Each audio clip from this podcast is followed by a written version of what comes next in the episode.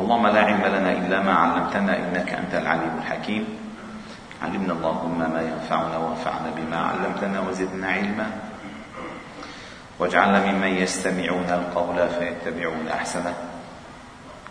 وأدخلنا برحمتك في عبادك الصالحين. ثم أما بعد. فقد ذكر الإمام الترمذي رحمه الله تعالى في كتابه الشمائل المحمدية على صاحبها أفضل الصلاة والسلام والتحية في باب عيش رسول الله صلى الله عليه وسلم. قال وحدثنا عمر بن إسماعيل ابن مجالد بن سعيد حدثني أبي عن بيان بن بشر عن قيس بن أبي حازم قال سمعت سعد بن أبي وقاص يقول سمعت سعد بن أبي وقاص يقول إني لأول رجل أهراق دما في سبيل الله عز وجل وإني لأول رجل رمى بسهم في سبيل الله. ولقد رأيتني اغصب في العصابة من أصحاب محمد صلى الله عليه وسلم ما نأكل ما نأكل إلا ورق الشجر والحبلة. يعني بيطلع هيك شيء بالشجر قريب من اللوبيا أو البازيلا يعني. اللي بياكلوا هيك يعني شيء اخضر قال ولقد رأيتني أغزو في العصابة من أصحاب محمد صلى الله عليه وسلم. ما نأكل إلا ورق الشجر والحبلة حتى تقرحت أشداقنا.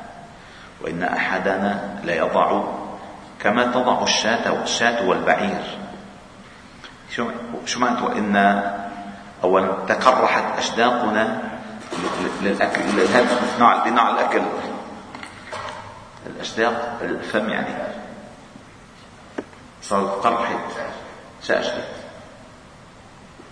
قال وإن أحدنا ليضع يعني يخرج يخرج منه.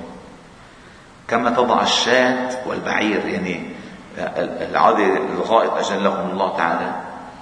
الإنسان غير الشاة البعير، الشاة البعير حبة حبة. ليش؟ اكله ناشف بيكون. فالأكل الناشف صار يعمل مثلهم يعني مروا بظروف صعبة. وإن أحدنا لا يضع كما تضع الشاة والبعير. وأصبحت بنو أسد يعزرونني في الدين. ولقد خبت وخسرت إذا وضل عملي.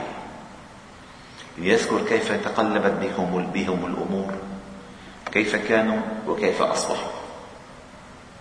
كيف كانوا؟ لأنه يحدث يحدث الصحابة يحدث التابعين. عملنا نحن وين كنا؟ وهلا لك وصلنا. بس كان في صبر وتحملنا. تحملنا. سبحان الله. ثم قال وحدثنا محمد بن بشار حدثنا صفوان بن عيسى حدثنا عمرو بن عيسى أبو نعامة العدوي قال سمعت خالد بن عمير وشويسا أبا الرقاد وقال بعث عمر بن الخطاب عتبة بن غزوان وقال انطلق أنت ومن معك حتى إذا كنتم في أقصى بلاد العرب وأدنى بلاد العجم فأقبلوا أقصى بلاد العرب وأدنى بلاد العجم. يعني ما بين العراق وبلاد الفرس. يعني الحدود حدود الجزيرة العربية الترامي تبعها عند المدائن في بلاد فارس. هون هون الحدود.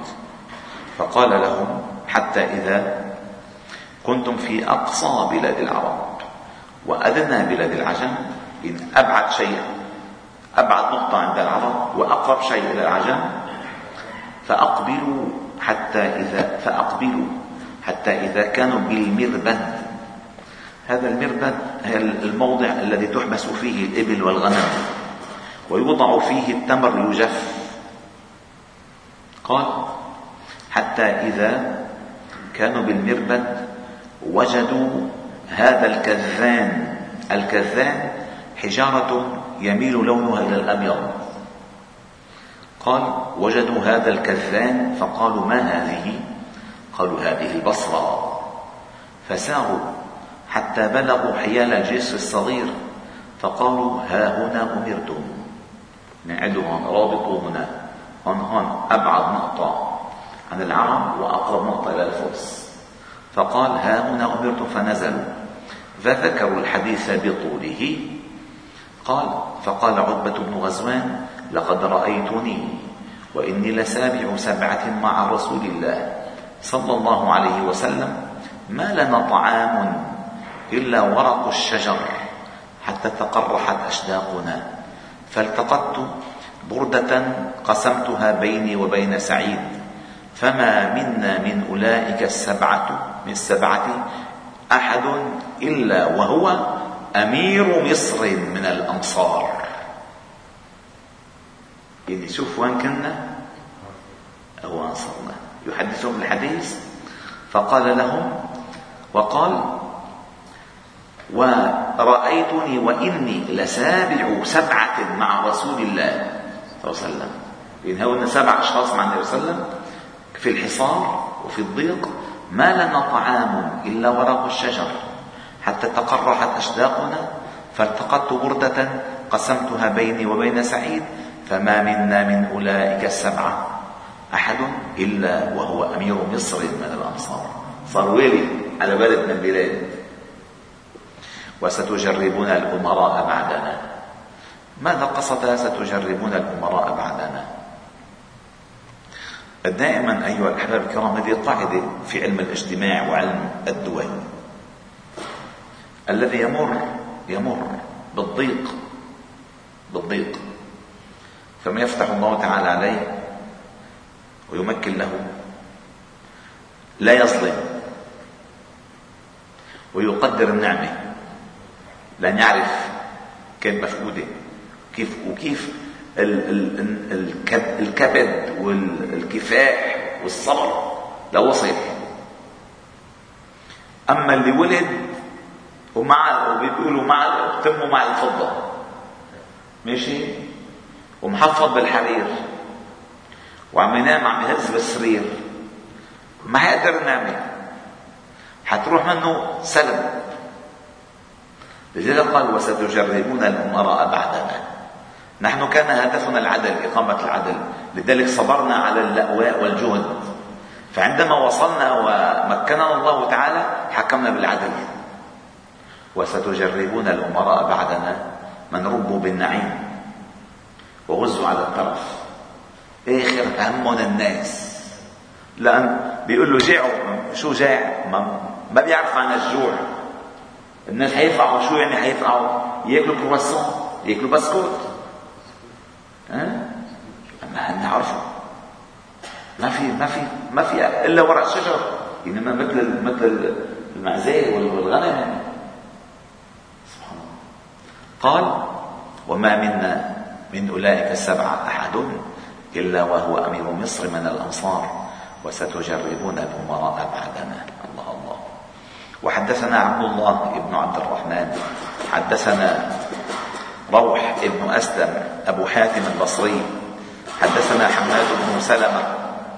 حدثنا ثابت عن أنس رضي الله تعالى عنه قال قال النبي صلى الله عليه وسلم يحدث عن نفسه صلى الله عليه وسلم لقد أخفت في الله وما يخاف أحد. إني ما خيف أحد مثلي.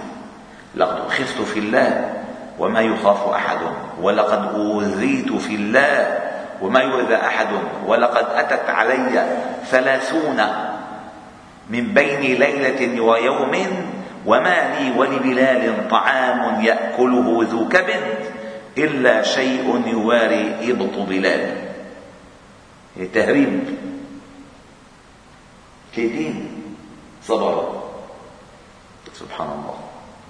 قال ولقد أتت علي ثلاثون من بين ليلة ويوم مالي ومالي وبلال وطعام ومالي ولبلال طعام يأكله ذو كبد إلا شيء يواري إبط بلال.